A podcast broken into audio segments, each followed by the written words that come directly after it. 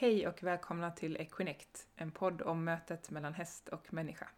Jag heter Susanna och det är jag som driver Equinect. Idag blir det ett samtal med bara mig. Och det blir ett samtal som handlar om hästars flockdynamik utifrån det som jag har lärt mig från Emily Kajsdotter och hennes hästar. Så när ni lyssnar på det här avsnittet så kan man tänka på att allt det som sägs är tolkat genom mig. Vilket betyder att vi får med oss också eh, min tolkning av det och att eh, det har gått igenom en människa till eh, jämfört med om det kommer från, direkt från Emily såklart. Så, innan vi börjar eh, så vill jag tacka så innerligt för all respons som jag fått på det första poddavsnittet. Alltså, tack! Eh, jag vet inte hur många gånger jag har ryst och fått tårar i ögonen och bara så här, va? Vad fina ni är, tack! ja. Med det sagt så ska vi sätta igång. Eh, så innan vi går in på de specifika rollerna och eh, som finns i en hästflock och de egenskaper som finns där eh, så vill jag prata lite i allmänhet om en hästflock och saker som finns i en flock eller tas för givet i en flock som vi människor kanske inte är så vana vid att möta och som vi behöver veta som lite så grundförutsättningar för att förstå hästarnas dynamik. Så en av de första och viktigaste sakerna att förstå är att hästar har, till skillnad från människor, inte separerat sig och blivit som individer.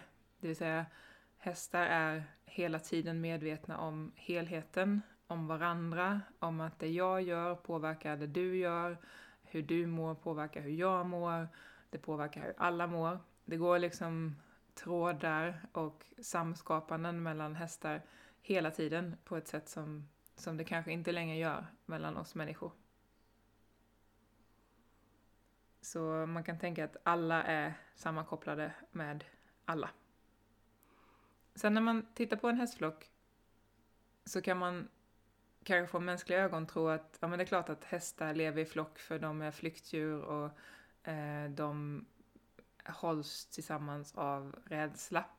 Så verkar inte fallet vara, utan det är istället en annan kraft som håller dem samman och det är den villkorslösa kärleken och eh, omtanken.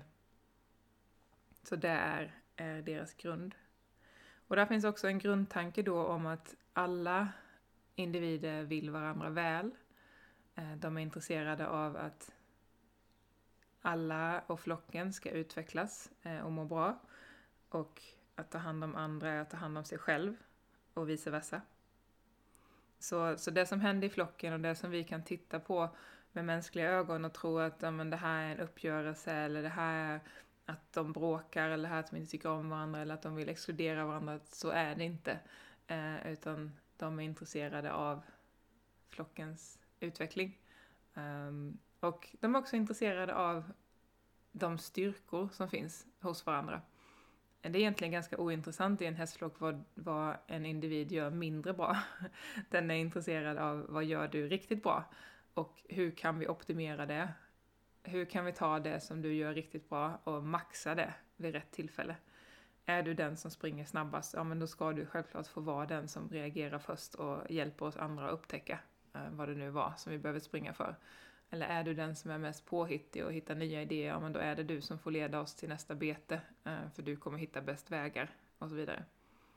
Och det är ju ett ganska härligt perspektiv att ha, eh, till skillnad från oss människor, mig i alla fall, som lättare fastnar vid det som eh, kanske inte går bra eller det som eh, jag inte tycker är en styrka hos mig själv. En annan grej som är intressant att tänka på med hästar är, och ni kommer märka det när vi går in på de olika rollerna här, det är att många roller handlar om att medvetandegöra saker hos de andra hästarna, men inte om att fixa det. Och anledningen till att en hästflock kan funka så är för att en häst vill må bra, den vill vara sund och frisk och att, ja, eh, återigen tillbaka till det här med utveckling, den vill att, att allt ska utvecklas och vara bra. Så om en healer exempelvis blir medveten om att mm, du, det finns något destruktivt här i dig, då kommer den berätta det för individen. Men sen kommer den inte behöva fixa det. Eh, och anledningen till det är för att det finns den här grundinställningen av att jag vill må bra, säger hästen. Och då när jag har fått reda på att det finns någonting som kommer leda mig ifrån hälsa, då kommer hästen som har blivit medveten om det själv ta ansvar för att fixa det. Eh, så är det ju inte alltid hos oss människor, för hos oss människor så finns det oftare en identifikation med vår historia, vår historik, våra mönster som gör att det tyvärr inte alltid är så att bara för att vi får reda på att någonting hade varit bra för oss så kommer vi inte alltid kunna eller vilja eller ha kapacitet till eh, att, att jobba för det. Och det är ju inte alltid hästar har heller så som de hålls nu, men naturligt så, så funkar det så här i en naturlig hästflock. Och en tillräckligt stor hästflock. Eh, så. Mm. Man kan titta på en hästflock och inse också att det de håller på med och en, en av de viktigaste sakerna för hästar verkar vara att uppleva. Att, att meningen med livet liksom är att, att få vara där och att också att lämna över den upplevelsen till varandra. Eh, att lita på att det jag är med om gagnar också alla. Att jag lär mig någonting gagnar också alla. Och det finns ett överlämnande där som också bidrar till en trygghet i att det finns också någon som fångar upp mig om inte jag skulle orka eller ha kapacitet just nu. Också någonting som kan inspirera oss människor förhoppningsvis eftersom vi eh, inte har lika lätt att överlämna oss, att, att lita på andra. Eh, tänker kanske att det är säkrare att vi fixar det själva eller fortsätter själva. Och hästar verkar mena att människor har ju en, en eh, förmåga till omtanke. Men vi har tyvärr inte just nu en kollektiv erfarenhet av omtanke att luta oss mot.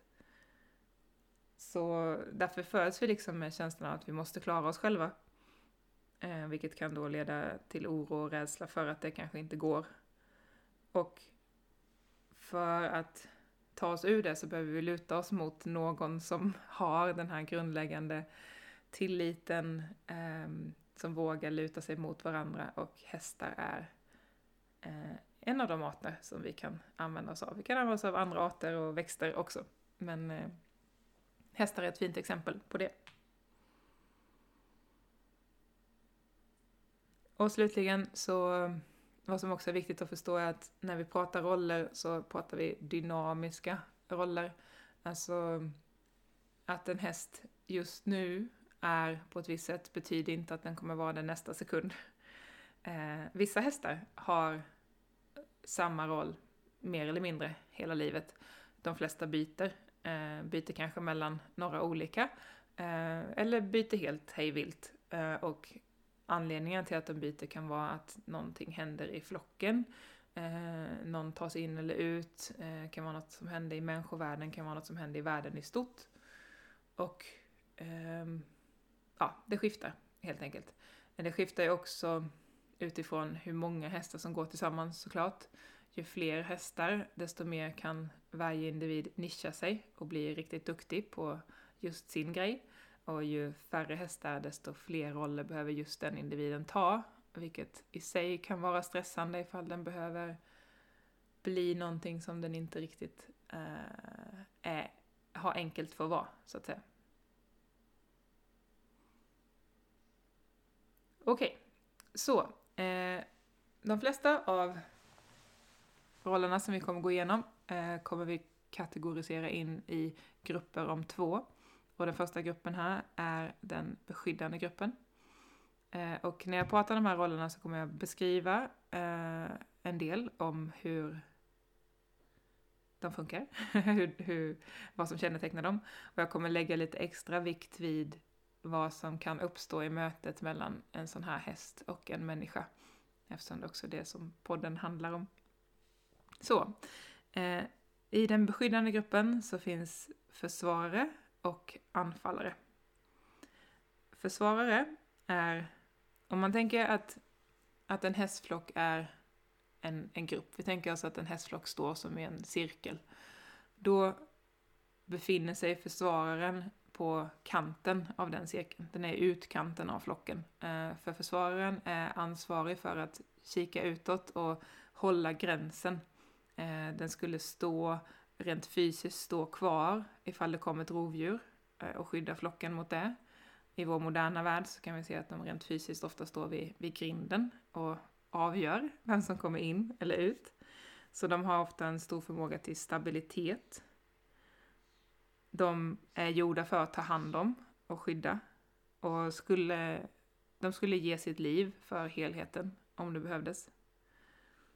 Och det här är hästar som inte backar undan. Ehm, de backar inte av utan de står kvar. Ehm, så om man generaliserar så är det här oftare hästar som är lite mer stabila i kroppen, lite mer muskulösa. Eh, som har just den fysiska förmågan av att kunna stå. Men det behöver inte vara det kan också vara tvärt emot. Eh, den här gruppen hästar, försvarare, är ganska viljestyrda. Vi kommer att prata en del om det, att det är skillnad på att styra någonting med sin egen vilja och att vara reflexstyrd, som många av de här rollerna är. När det är en reflex, när vi pratar om en reflex så pratar vi om någonting som vi själva inte medvetet styr över. Eh, och en reflex då eh, är någonting som händer utan en medveten tanke. Och då skulle vi kunna jämföra det med om vi skulle vara hos läkaren och eh, en läkare kommer och slår på vårt knä eller strax under vårt knä med en sån här liten hammare för att testa om våra reflexer funkar. Alltså att knät hoppar till där då är ju inte någonting som vi själva styr över eller bestämmer över utan det händer bara. Och vissa av de här rollerna som vi kommer att prata om har sådana reflexer som gör att vissa saker bara händer och sen tänker de efteråt. Medan eh, försvararen som vi precis pratade om är inte en sån roll utan den tänker oftast eh, innan. Så när man funderar då på vad som händer i mötet mellan en häst och eh, en människa när vi har en försvarare så, så kan vi ofta få känna en stor stabilitet tack vare den här individen. Ehm, de här individerna gillar när man är ödmjuka inför att de kan det här bättre än oss. Att stå kvar, att, att ta emot. Så de funkar ofta bättre med eh, nybörjare eller ödmjuka personer jämfört med någon som kommer och, och säger att den vet bäst. Och försvarare, liksom de flesta hästar, gillar när vi överlämnar oss och, och, faktiskt lämnar över till dem. Jag får ofta frågan från människor eh, om att ja, men jag vill inte lägga det här på min häst, jag vill inte belasta min häst med det här, hur ska jag göra? Och då, dels så vet hästen nästan alltid redan om hur man mår, oavsett om man försöker dölja det eller inte. Ehm, men vad man också kan tänka på är att, att för hästen blir det ofta skönt att faktiskt få få ta del av det här och särskilt då om man har en försvarare. Ofta när jag är ute på jobb och, och pratar med försvarare så, så kommer jag liksom inte vidare i samtalet ifall inte jag också delar med mig av någonting som jag tycker att det här är lite svårt för mig att bära.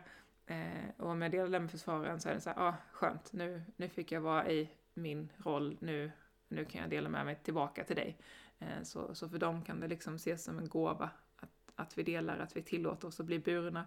Och det kan vara antingen rent fysiskt, att bli burna eller känslomässigt att bli burna. Jag kan tänka mig att det här är hästar som ganska ofta kan uppfattas som lite envisa. eh, och eh, ja, men överlag så funkar det bättre med sådana här hästar ifall man berättar för dem eh, vad, vad man själv då skulle behöva hjälp med att försvara. Den andra typen av beskyddande individ är är reflexstyrd. Alltså den, den agerar på impuls skulle man kunna säga. Och då är vi inne på anfallare. Så en anfallare, om vi tänker tillbaka till vad som hände i flocken, så är anfallarna också befinner sig långt ut och kikar utåt och funderar på och håller koll på, finns det några rovdjur här? Finns det några hot eller faror här? Och om det finns det så kickar anfallarens reflexer in och den kommer springa och den kommer vilja attackera det där rovdjuret. Så Anfallare är väldigt snabba.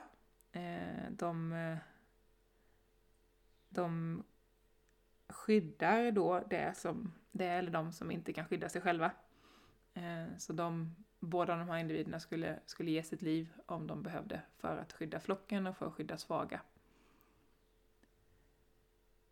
Ehm, och ofta har anfallaren en stor stolthet för att de, de, ja, men de vet att de kan, de kan springa snabbt, de kan styra upp saker om det behövs. Eh, och eh, ja, eh, det är, det är ofta mycket mod, mycket styrka, snabbhet, eh, stolthet.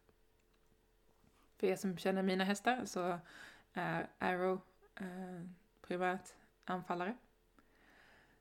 Så eh, den här eh, kategorin hästar gillar ofta att öva på sånt som har med hastighet och mod att göra. Ehm, de gillar också ofta när man faktiskt då eh, vet vem man är eftersom de är väldigt trygga i vilka de är och vad som är deras kärna. Så, så, så blir de ofta trygga av att man själv vet vem man är och vart man är på väg. Eh, och vet man inte det så kommer de kunna hjälpa en med det. Eh, det är lätt att tro när man hör ordet anfallare att det här kommer vara en väldigt hård individ och absolut kan de vara det om det behövs. Men det betyder inte att de är det i, sin, eh, i sitt möte med en. Eh, för er som träffar Arrow så har hon absolut den sidan och en, en väldigt direkthet. Eh, men det betyder inte att hon inte är kärleksfull i det eller att hon inte vill, vill ens bästa. Eftersom de här både försvarare och anfallare är liksom designade för att inte backa av, att inte rent fysiskt backa, eh, så är det inte så bra att hamna i någon slags ledarskapsövning med sådana här hästar där man ställer sig och ska backa hästen. Eh, dels så går vi i så fall emot hästens instinkter och eh, dels så kan det också, vilket, vilket skapar mycket jobbiga känslor hos hästen och det det kan också bli rent farligt för att det här är hästar som är designade för att inte backa av. Eh, många anfallare är intresserade av att hoppa eh, för att det verkar som att de kan se hindret som eh, ett, ett hot eller någonting som de kan attackera helt enkelt. Um, och gillar som sagt ofta att påminna en om vad som gör en själv stolt eller vad man själv har för syfte eller vad, vad man själv skulle ge sitt liv för, så som de skulle ge sitt liv för helheten av flocken. Så går vi vidare till nästa grupp som är strategigruppen.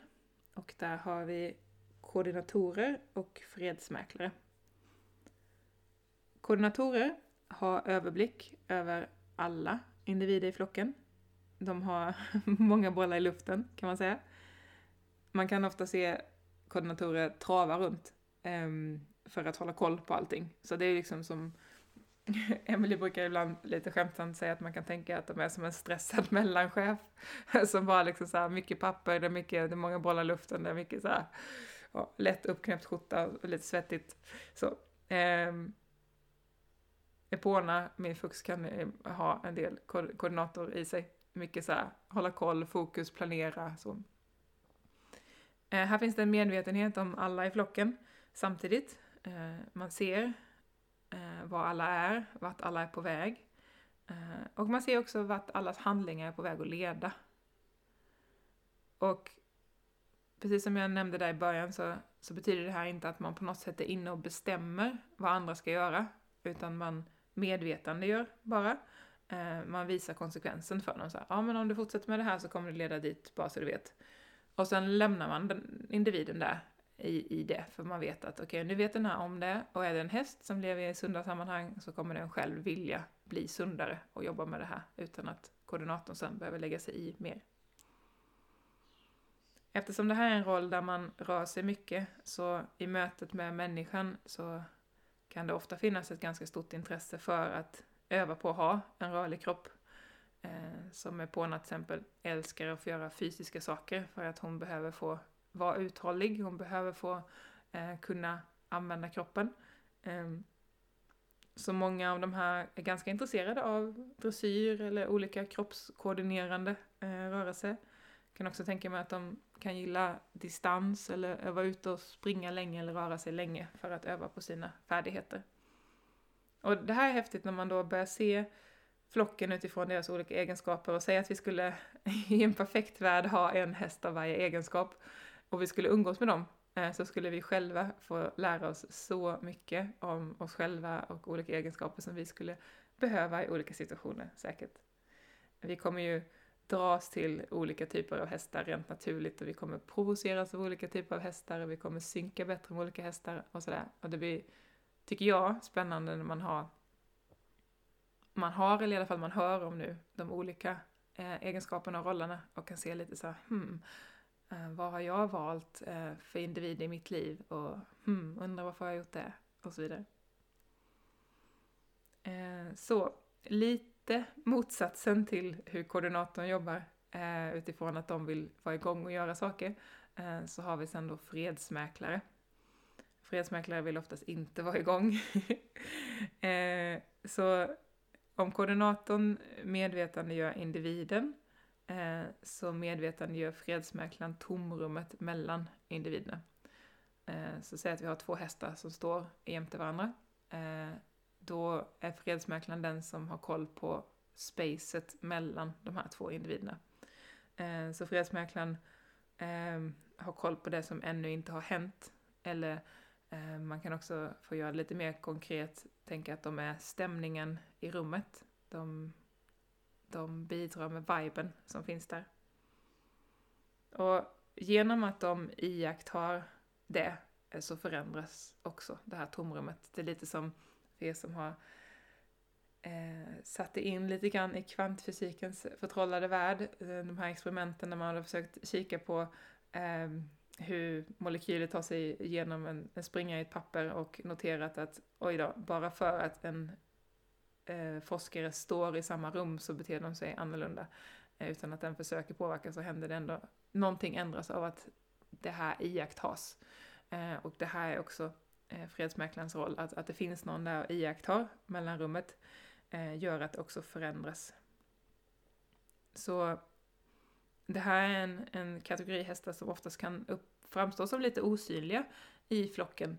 Man, man kanske inte alltid ser dem, eh, särskilt inte om det händer mycket, för då är de liksom där och bara bidrar med sin aura, kan man säga. Um, så det här de, de, kan också ibland hålla sig för sig själva och det är lätt att kanske tro att man är den här hästen utanför. behöver de absolut inte vara, men de har ofta rätt mycket uppkoppling och eteriskt inre arbete som gör att de ibland är sig själva nog, så att säga.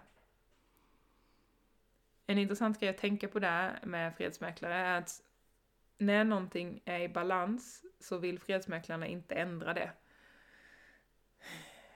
Um, Goldeneye min nordsvenska är oftast primärt fredsmäklare och um, fredsmäklare kan ofta ses som ganska omotiverade hästar.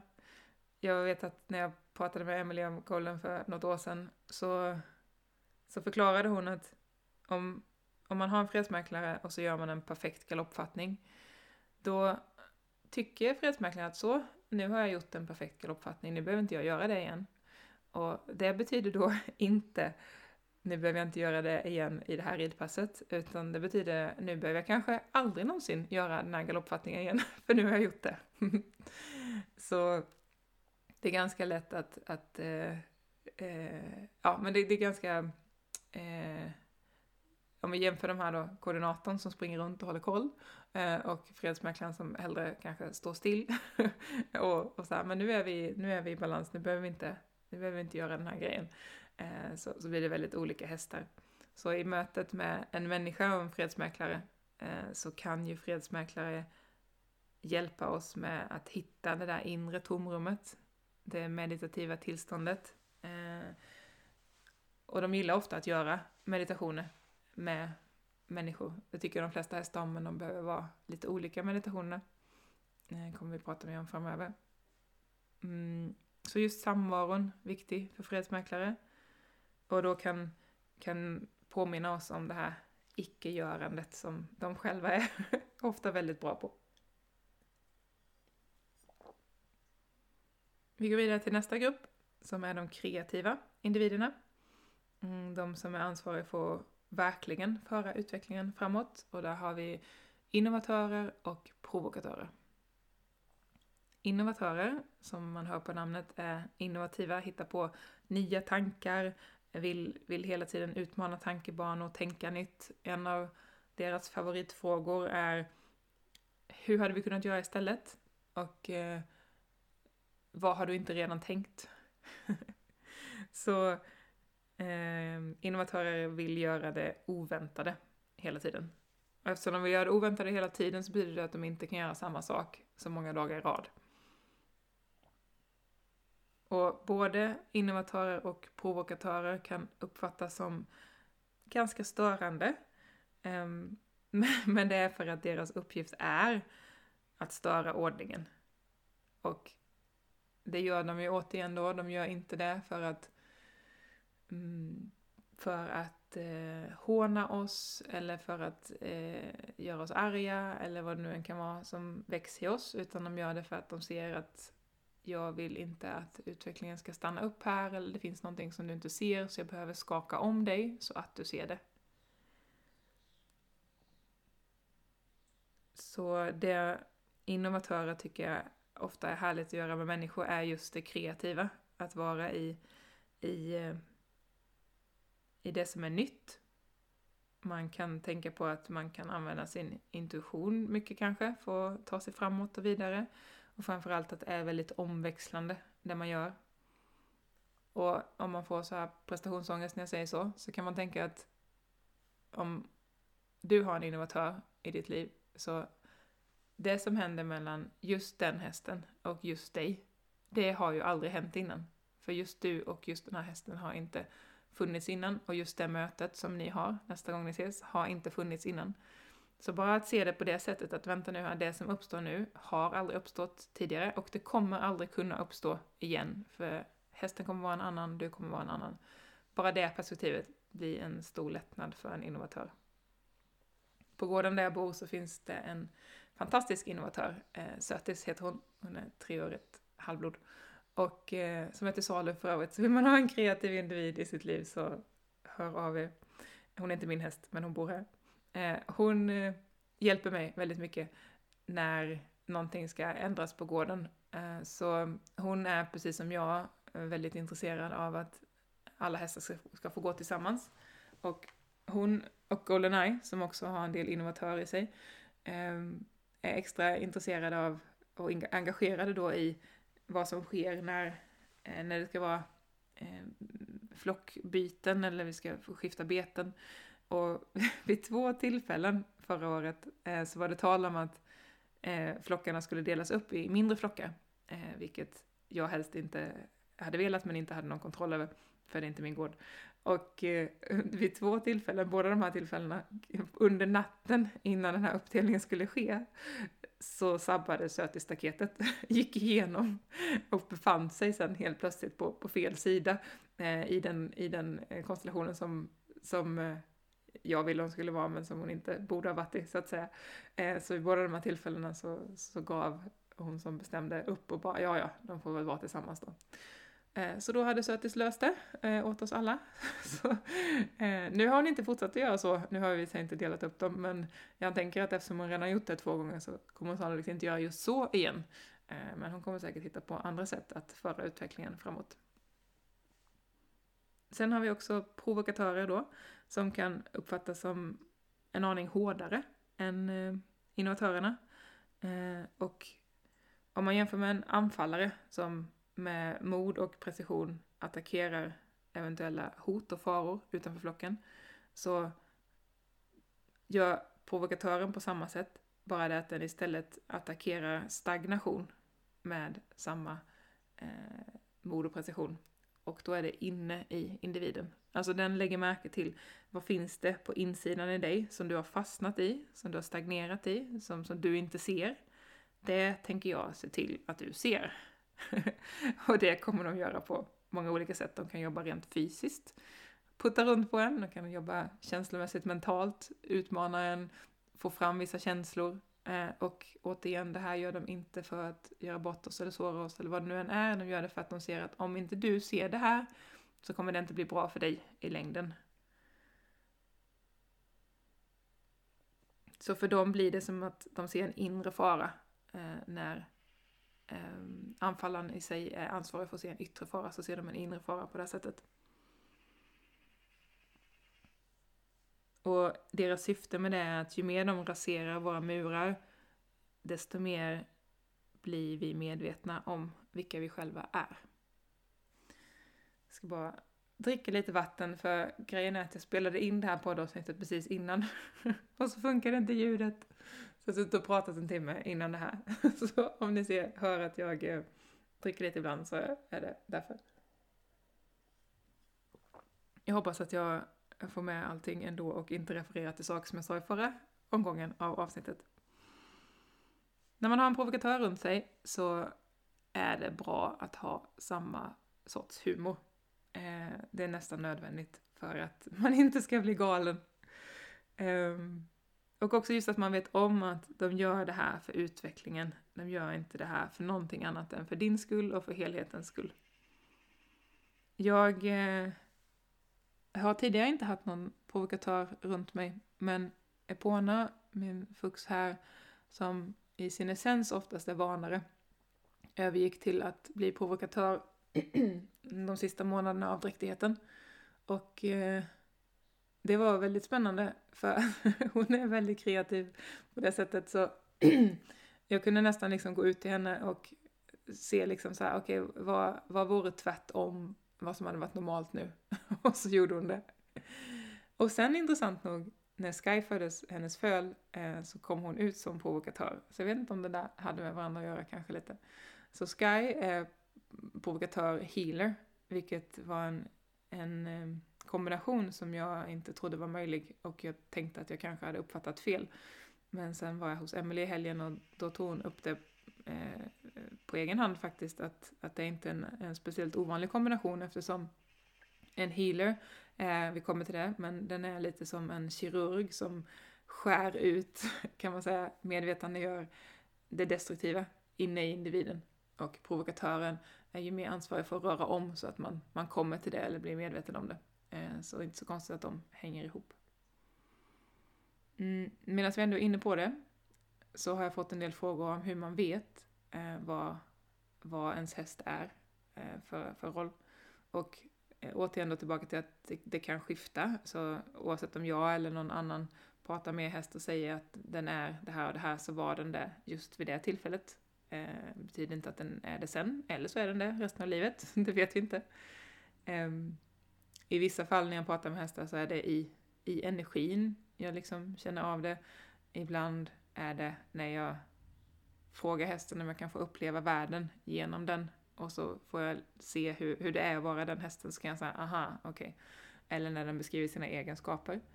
Um, I Skys fall så, både när det gällde vad hon har för roller och vilket namn hon ville ha, så var det liksom bara att ställa frågan och så bara dök det upp direkt eh, utan att jag egentligen visste någonting om det. Sen har det visat sig, den här provokatörsgrejen har ju visat sig med tiden här. Hon är fyra veckor eh, och två dagar och, och häromdagen så räknade jag till 32 bitmärken på henne. Så ja. Vi går vidare till de signalerande individerna. De som är ansvariga för att upptäcka fara och signalera den till flocken. Och där har vi spejare och varnare. Så spejare har också fokus utanför flocken. De har fokus på omgivningen, på, på vad som sker där. De är väldigt snabba. Och spejare blir som en spegel för omgivningen, skulle man kunna säga. De, de förkroppsligar det som händer i naturen eller i omgivningen runt. Så blåser det till en viss vindpust så kommer de röra sig i en svepande rörelse precis som vinden just gjorde, exempelvis. Och det är för att resten av flocken ska få se det som de inte har sett. Så att de har koll på omgivningen på det sättet gör att resten av flocken inte behöver ha det. Så fredsmäklaren till exempel kan göra sitt inre arbete utan att behöva ha koll för det är någon annan som har koll och så räcker det att man har koll på vissa individer eh, för att vara trygg. Så spejare kan man säga blir naturen. Och det är ofta väldigt vakna och alerta hästar. Betyder dock inte att de är rädda. Tillbaka till det här med att det handlar om reflexer och att det inte finns känslor i det utan det bara händer. Och både spejare och varnare kan signalera utanför tid och rum, så då blir det lite extra krångligt kanske, för att hästar verkar liksom inte riktigt hålla sig till den linjära tiden, så som vi människor ofta gör, utan de kan se och uppleva och reagera på sånt som inte sker i just den här verkligheten just nu. Och spejare just blir ofta ganska osynliga för andra, men väldigt synliga för själva flocken, som att de har ett särskilt ljus kan man säga. Har man en spejare eh, och möter den så kan en spejare påminna en kanske om att tillåta sig att också bli ett med naturen. Att, att uppslukas av det som händer, att förkroppsliga det, att, att bli tom och bara få vara det som händer. Och att också verkligen ta in allt och, och vara fullständigt närvarande, för det kräver de ofta. Ni som har spejare som lyssnar kan, kan antagligen relatera till den. Och sen har vi då varnare. Och om spejare är den som lägger märke till och förkroppsligar eh, hotet eller rörelsen i naturen, eh, så är varnaren den som är startskottet som får alla att börja springa. Så varnaren är den som, som tar med sig hela flocken genom att den springer först. Den reagerar först. Och det här kan man säga är den minst viljestyrda rollen. Det här är en roll där man själv inte tänker, utan reflexen, precis som när man slår på knät, tar över och så bara händer det. Så tänkandet får hända sen. Hade det varit tvärtom, att hästen behövde tänka, analysera och resonera och sen springa, så hade hästar inte överlevt för då hade de redan hunnit bli uppätna av det där lejonet eller vad det nu än är. Men återigen, det betyder inte att de är rädda. Ehm, det är ofta väldigt modiga Eh, individer faktiskt. Mm, de har mycket energi ehm, och eh, vad, vad man kan öva på ihop med dem eh, i mötet med dem är att de ofta tycker det är roligt att, att öva på att varna ihop med människa också, eftersom hästar ofta vill göra saker tillsammans med människor också. Så även om, om, vi själva kanske inte tycker det är jättebekvämt så kan de vara ganska intresserade av uteritter eller ut och utforska omgivningen och så. Och sen kommer de vilja bli bättre på att varna, det vill säga hoppa till mer, göra fler 180 graders svängar och så vidare det är ofta ganska utmanande. På då min fux är, är vanare oftast och eh, just att sitta på en sån häst som, som gör den där 180 graders svängen är ju inte jättebekvämt. Men det intressanta är, och det som är viktigt att förstå är att en vanares uppgift är färdig i och med att de har hoppat till. Sen, sen kan de släppa det och gå vidare. Vad som händer när vi sitter på eller är jämte är ju att vi hinner inte reagera så snabbt så vi blir ju rädda först när de har landat igen kan man säga, då går vår puls upp och vår, vårt adrenalin upp. Och det sämsta vi kan göra då, om vi sitter på eller om vi går jämte, är att vi själva blir stela, håller ihop oss, eh, bli som ett rovdjur och liksom så här greppa fast. Eh, för då kan de bli rädda. Eh, och också såklart ifall de blir straffade för ifall de blir straffade för att de har eh, varnat eller signalerat. Mm, så de kan också, om de får, hjälpa oss med att öva på att inte spänna oss, helt enkelt. Sen går vi vidare till de läkande individerna, de som ansvarar för läkning inom flocken. Och då har vi healers och omhändertagare. Så en healer i en hästflock har inget ego, den har inga personliga önskningar eller syften eller mål med, med det den gör. Och som jag nämnde i början här då så är det inte healern som gör individen frisk, utan vad healern gör är att den har som en radar som lägger märke till ifall någonting försvagas hos någon. Och så letar den efter det som är då destruktivt inne i individen. Och här kommer det som jag tycker är så väldigt häftigt, som jag var inne på lite med fredsmäklaren också, är att att healern ser och noterar gör att individen som det gäller också blir medveten om det. Eftersom alla är sammankopplade och all information går, går till alla och alla hänger ihop så, så räcker det liksom att, att healern har sett att den här grejen blir inte så bra, för i och med att healern har sett och noterat det så blir den informationen också tillgänglig till alla. Och sen tar den här önskan om frisk, att, att vara frisk och bli sundare över och hästen, eh, eller människan, eh, ifall det är en människa som funkar på det sättet, ta ansvar för att själv läka det. Liksom. Mm, I mötet med en healer så är det viktigt att förstå att ja, men ha, få vetskapen om att hästen jobbar med sånt här så att man, man förstår och respekterar att de har, har det här som en del av sina uppdrag. Um, och att de jobbar med det oavsett om det gäller att de jobbar med andra hästar eller människor.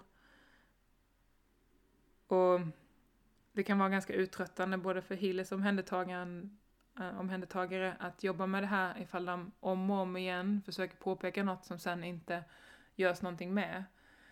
Så är det ju såklart ofta om de jobbar med människor, men också kanske om de jobbar med hästar som är i sammanhang där de inte får naturliga förutsättningar att läka. Och då kan de bli utbrända eller utmattade, eh, sådana här individer. De kan också ta på sig andras grejer, framförallt healers. Um, för att förkroppsliga det och ytterligare, kanske kunna visa det och så kommer det ingen vart och så ja, blir det tungt. Uh, så det kan också vara väldigt fint att stå och dela energi med de här. Uh, att, att ge healing men också tillåta sig att få healing uh, av dem. Och sen har vi omhändertagare. Och en omhändertagare kan man se lite grann som en coach som eh, ha lite extra koll på hur en individ har byggt upp sin självbild och hur nära eller långt ifrån individen är att bli det som den är ämnad att vara. Och hur de jobbar, omhändertagarna, är att de jobbar mycket med att sätta individer i rätt sammanhang. Alltså vad behöver du från din omgivning för att kunna bli mer av dig själv? Och samma sak här då i en naturlig miljö och massa resurser så hade det här jobbet eh, varit enkelt. eh, hur, utifrån hur de lever nu så är det kanske inte så enkelt. Så här får man också vara uppmärksam på hur, hur de mår och om man kan på något sätt eh, underlätta för dem i, i sitt arbete. Och kanske hjälpa dem och se om man kan hjälpa dem att få bättre förutsättningar för att arbeta med det som de vill arbeta med. Och sen eh, sista gruppen om två, som inte riktigt har ett samlingsnamn för att de är egentligen motsatsen till varandra och Emelie grupperar ihop dem för att de jobbar vid olika tillfällen. När den ena jobbar så är den andra ledig kan man säga, och vice versa. Och det är riskbedömare och lärare. Så en riskbedömare är också en väldigt vaken häst, för den får inte missa någon information som någon förmedlar. Det betyder att den behöver ha koll på alla och informationsflödet eh, till alla hela tiden. Och att riskbedömaren är där och tar del av det som händer gör att alla inte behöver vara lika alerta. Eh, för det finns någon där som hela tiden är påkopplad, kan man säga. Mm, för att beskriva riskbedömare så skulle man kunna säga att de är som larmcentralen, de är som SOS Alarm som man hela tiden kan koppla upp sig mot och berätta vad som har hänt och på så sätt få, få rätt hjälp i det som har hänt. Så det här är en väldigt aktiv roll som man inte kan ha allt för länge i taget, eh, varken länge i sträck eh, och inte heller hela dygnen, så att säga. I mötet med människor så är riskbedömare inte alltid så tama, eh, kan de uppleva som, för att de har så himla mycket att göra som händer i flocken. Att de inte alltid vill eller kan umgås med människor eller tas ifrån flocken kan man säga. Så det är också en viktig grej att, att veta med dem att ifall de verkar ointresserade eller de blir stressade ifall de går ifrån flocken eller någon annan går ifrån flocken så, så är det för att de har massa inre arbete som de gör som vi kanske inte ser eller, eller inte förstår.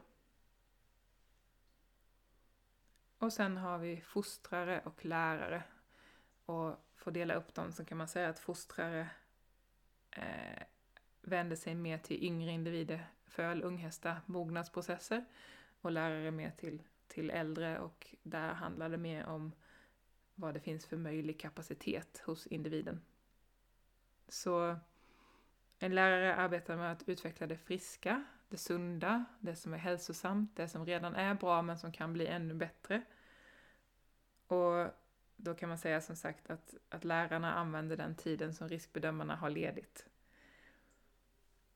Och de har som uppgift att se den andra och utveckla det potentiella. Så det här är hästar som ofta är väldigt behagliga att vara runt. Min mentorshäst Chippen eh, var lärare när jag lärde känna honom. Nu har han bytt roll lite. Och också Ami, eh, min stora svarta häst här som jag inte äger men som är med i gänget. Också primärt lärare.